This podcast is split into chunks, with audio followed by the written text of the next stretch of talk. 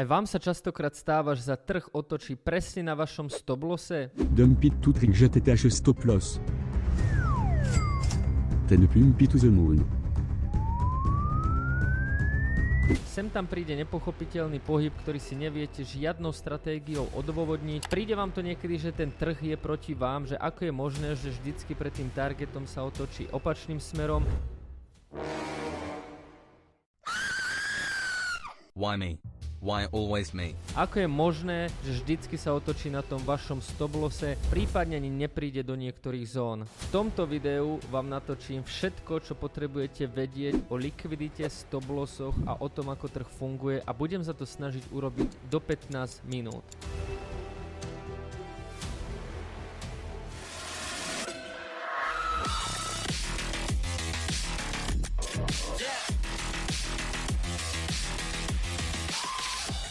Ahojte, moje meno je Jakub Kráľovanský a zdravím pri ďalšom videu. Ak sa vám toto video páči, dajte odber, dajte like. A dneska to bude veľmi dobré video, kde si zhrnieme všetko potrebné o likvidite, o stoplosoch, to kde robíte chybu, ako sa tam ten trh treba pozerať, ako ten svoj setup treba zmeniť. Takže poďme na to. Najskôr si ukážeme teóriu, ako to väčšinou funguje. Čiže tá teória je taká, že ten trh sa skladá z 80% rangeového pohybu a 20% trendového trendového pohybu. Čiže dajme tomu, ten trh 20% času ide takto, no a potom 80% času ide takto. Hej, čiže toto je akož úplne bežný pohyb. Ja som to dal na schvál rastom hore, aby sme tu mali, že tu máme bull market. A toto je akože úplne také typické. No a vy, čo sa akože bežne stáva v tých rangeoch, poďme sa pozrieť na ten range. No a bežná teória, ktorá sa učí, ktorú nájdete vo všetkých YouTube videách, vo všetkých knihách, technické analýzy, tak bežná teória je taká, že keď máte stanovený range, to znamená, že máte stanovené high a máte low, tak stop loss keď longujete, dávate pod low a idete hore a ak shortujete, tak stopku dávate nad high. Toto je práve úplne bežné, čo všetci robia. Takisto, keď máte vlastne trend, swingovo sa v technickej analýze učí, že keď máte takýto trend, no tak stop loss proste dáte pod toto low, potom ho posuniete jednoducho pod toto low, no a potom zase pod toto low, no a tak toto jednoducho ide. Čiže v technickej analýze v 90% videách máte presne tento postup, ako tie stoblosy máte dávať, no a samozrejme vy ste potrava pre tie veleryby a ste potrava pre ten trh. A teraz si povedzme prečo. Celý ten trh je o likvidite. To, čo hýbe trhom, sú objednávky. Sú to longy, sú to shorty, sú to nákupy, sú to predaje. Nič iné nehýbe trhom, len nákupy a predaje a to znamená likvidita. Na tom trhu máme dva typy hráčov. Za prvé je to bežný človek ako ja alebo vy a za druhé je to inštitúcia. Keď sa pozrieme na týchto bežných hráčov, tak oni idú proti sebe. Zatiaľ čo tá veleryba má najdrahšie počítače, najlepšie mozgy, najlepšie pripojenie na internet, vie publikovať rôzne správy, vie si zaplatiť rôzne médiá, chodí hrať golf s ľuďmi, ktorí píšu reporty, chodia hrať golf s bankármi. Jednoducho oni majú všetko, ale majú jedno veľké negatívum. Čo myslíte, aké? Áno, tí, čo ste uhádli, že ich negatívum je príliš veľký kapitál, ktorý do toho trhu nemôžu streliť len tak, tak máte pravdu. Poďme späť. A na druhú stranu tu máme bežného človeka, ktorý vlastne v tomto absolútne nemôže konkurovať tým velerybám. To znamená, nemá najlepší počítač, není asi ani najlepší mozog, nemá žiadny tím, nevie falšovať a ovplyvňovať nejaké správy, no ale má jednu výhodu, že keď do toho trhu pustí tých svojich 500 alebo 1000 eur, tak s tým trhom absolútne nepohne. A preto, keď si zoberieme, že sme tie veleryby, a to znamená, že máme napríklad 1000 bitcoinov a viac, alebo na S&P 500 je to 100 miliónov a viac, pre príklad, tak my sa musíme hýbať v tých oblastiach, kde vieme, že tie nákupy a predaje budú, kde vieme, že bude tá likvidita. To znamená, ten trh sa v tých rangeoch aj celkovo v trendoch hýbe od likvidity po likviditu, že ten trh chodí do tých zón, kde sú tie objednávky. Keď si pozriete tých najlepších a najziskovejších traderov, tak oni oni tradujú zóny. Oni si vždy vyznačujú zóny. No ako ja viem, kde tá likvidita je? Poďme na graf. A niektorí z vás už možno šípite, likvidita je práve aj ten váš stop loss. To znamená, že ja keď si dám napríklad replay a teraz si poviem, že o, dobre, mám tu takýto graf, spravím úplne nejakú jednoduchú analýzu na 15 minútom grafe pre pochopenie, že čo asi príde urobiť ten človek. Dobre, mám tu nejaký vrchol, odmietnutie, tu sme napríklad knotom spravili nižšie low, neviem čo, proste idem shortovať, hej, toto je proste jasný short na základe Eliotiek, na základe jednoducho úplne hocičoho. No a teraz, čo ten človek spraví, boom, bachne tu short. No a teraz toto je extrémne podstatné, toto takto funguje likvidita, toto je presne dôvod, prečo sa to otáča na vašej stopke, kde si každý jeden človek umiestni stop loss toho shortu. No proste nad tento knot. To znamená, že všetci, čo idú tento pohyb shortovať, je úplne jedno, kde majú target, tak si naskladajú tie stop lossy sem. Tu na budú mať všetci stop lossy. No a preto je pre ten trh veľmi príťažlivé, aby tam išiel te teoreticky tie stop lossy zobrať. Hej, čo sa napríklad presne v tomto prípade aj stalo. My sme prepadli a teraz si dajme ešte proste ďalšiu situáciu. Poďme si to dať odznova napríklad do tohto momentu.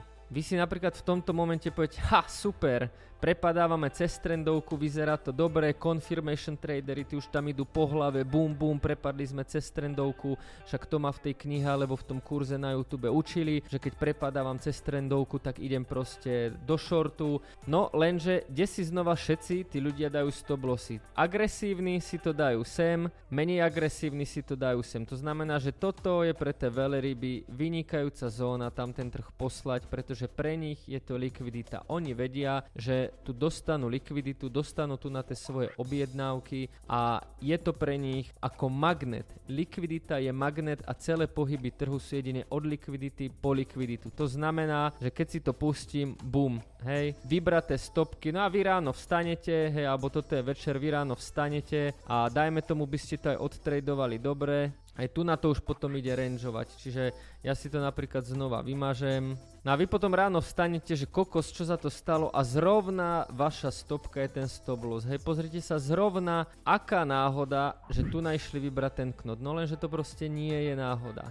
Hej, takto to jednoducho funguje a takto sa to chodí vyberať. Takisto ako všetci, keď si dáme replay, všetci, čo proste longovali tu, povedali si na základe rôznych stratégií, je to úplne jedno, či používate Eliotky, harmoniky, price action, veštíte z gule, alebo si kávové zrniečka dávate, alebo pozeráte horoskopy, je úplne jedno, akú máte stratégiu, ale dajme tomu, že spravím rýchlu analýzu, mám tu jedno low, druhé low, hej, vyššie low, mám tu teraz túto trendovku, ten trh sa mi začína zagulacovať, tak čo si poviem, idem long, stopku si dám niekde sem, no prečo? Pretože tak ma to učili zase v tom kurze, pretože stopka sa dáva pod low, toto nájdete všade. Stopka do longu sa dáva pod low, vy to spravíte, tí čo by išli viac agresívne by mohli ísť niečo takéto, to už by trošku dávalo väčší zmysel. Otázka je, či by vás pustilo RRR, lebo vidíte, že tá širšia stopka vám už ničí to RRR. Čiže preto to drvivá väčšina ľudí utiahne takto, no a čo sa samozrejme stane, ten trh si tam príde. A keby ste si povedali, že dobre, príde si tam len raz, Ha, tak týmto si tým príde znova. Prečo? No pretože je to likvidita. Pre ten trh je to zaujímavé a častokrát, pozrite sa na to, častokrát, keď máte aj triangel, tak ako, ako vás učia triangel v technickej analýze? V technickej analýze sa triangel učí tak, že mám tu napríklad nejaký trend, bum bum bum, 1, 2, 3, 4 a idem hore. Že viete, aká je realita trianglu? Realita je trianglu je taká, že idem raz, 2, 3, bum, bum. Na schvál ten trh príde pod tolou, na schvál, pretože všetci to, čo tu nalongujú, úplne každý, kto to tu bude longovať, bude mať proste tu stop loss a preto tam ten trh príde. A teraz táto stratégia, kým ju nepoznáte, tak zrazu zistíte, že vám vysvetlí strašne veľa pohybov, ktoré ste napríklad doteraz nechápali. Mne to vysvetlilo extrémne veľa pohybov, ktoré som si dovtedy povedal, že je to nejaká manipulácia. Keď sa naozaj pozriete na toto, tak čo presne, tu sme mali support, všetci čo longovali, boom, bolo to vyklepané a pozrite sa, tí čo shortovali, tu mali stop loss, tu mali stop loss, tu mali stop loss, pozrite sa ako brutálne sviečky. Hej, znova ten trh ide od likvidity po likviditu a vaše stop lossy, alebo stop lossy celkovo ľudí sú proste likvidita. Hej. Všetci tí, čo longovali, zopakujem, mali stopku tu a každý, čo shortoval, mal stopku tu, preto to ten trh preletel. A poďme sa zo srandy pozrieť do minulého bull marketu, aké tam boli korekcie. Tie korekcie tam úplne schválne, keď už nejaká bola, tak bola taká, že išli proste po tie stopky. Hej, mal som tu korekciu, boom, išli sme na schvál knotom, na schvál sme šli pod tento support. Tu, čo sme išli longovať, na schvál sme šli pod ten support a tu, keď som mal support, na schvál som šiel ešte pod to. Čiže aj v tom bull markete sa toto úplne pravidelne dialo. Každý by povedal, že OK, tu tá štruktúra zastane, ale nie, na schvál to bolo hore a potom na schvál ešte jedno. Čiže vaše stop lossy sú práve tá likvidita, ktorú ten trh potrebuje. A môžete si to všimnúť na triangloch, môžete si to všimnúť range, môžete si to všimnúť v trendoch. Je to úplne jedno. Vždycky, keď budete sa pozerať na graf a takto rozmýšľajte, toto je moja rada na záver, keď chcete pochopiť, ako funguje likvidita, pochopte, kde majú všetci stop loss. Hej? Znova tu na situácia z rangeu vlastne z minulého týždňa. Znova každý, kto longoval, mali sme tu range, Išli sme vykopnuté stopky, prečo? Pretože každý, kto išiel long, mal tu stopky. Vykopli sme to a každý, kto zase shortoval, tak mal tu stopky. Vykopli sme stopky, vykopli sme stopky. Čiže zoberte si to, drvivá väčšina, 80-90% ľudí, čo by tu longovala, tak na long dá stopku tu a zvyšný, tých 80-90% ľudí, čo by tu shortovali, tak dá stopku tu. Lenže ten trh si na schvál preto príde a ide späť. Čiže to, čo vy sa sami seba musíte pýtať, kde majú všetci teraz teraz stop lossy. Kam by som dal vlastne stop loss, kam by to ten trh mohol ísť teraz úplne vykopnúť. Preto sa dejú také veci, že tam príde ešte proste ten jeden knot, alebo že táto sviečka častokrát ešte spraví tolov, hej, čiže je to naozaj úplne bežné, alebo zoberte si tu krásny pohyb, máme tu proste range,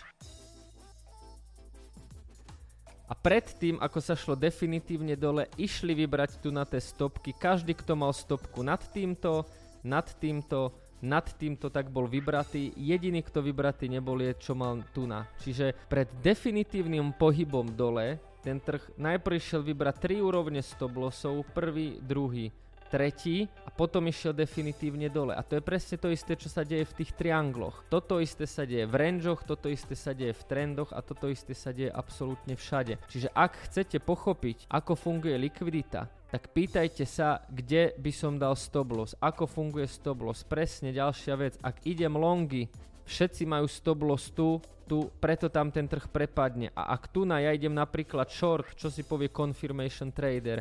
No confirmation trader si v tomto povie OK, OK, naučil som sa to, vypadli sme z rangeu, drvivý prepad, teraz naskočím tu na do shortu, pretože to potvrdenie prepadu a ideme dole a kde si takýto človek dá stopku. Bohužiaľ, najbližšie tu. Prvá sviečka, ktorá pumpne, tak rovno pumpuje toto high a rovno pumpuje toto high. Čiže absolútne prvá sviečka do longu okamžite zlikviduje proste, či ste si dali stopky kdekoľvek. Najrozumnejšie bolo stopku dať si tu a tu. Jedna jediná sviečka vylikvidovala všetky stopky. Čiže základom je, pýtajte sa, kde má ten trh asi stopky, pretože stopky aj vaše stopky sú likvidita pre ten trh a ten trh chodí od likvidity po likviditu.